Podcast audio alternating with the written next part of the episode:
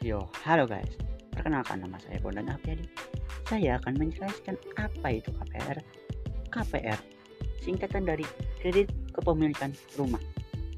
KPR adalah kredit yang digunakan untuk membeli rumah atau untuk kebutuhan konsumtif lainnya dengan jaminan atau bangunan berupa rumah.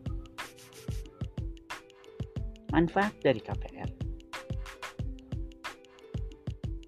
yaitu tak perlu menyiapkan banyak uang, bisa menyiasati dua, bisa menyiasati jumlah cicilan, tiga, legalitas rumah terjamin, empat, dapat perlindungan asuransi. Apa saja syaratnya? Satu, harus berwarga negara Indonesia. Dua, berpenghasilan tetap dengan masa kerja minimal 2 tahun.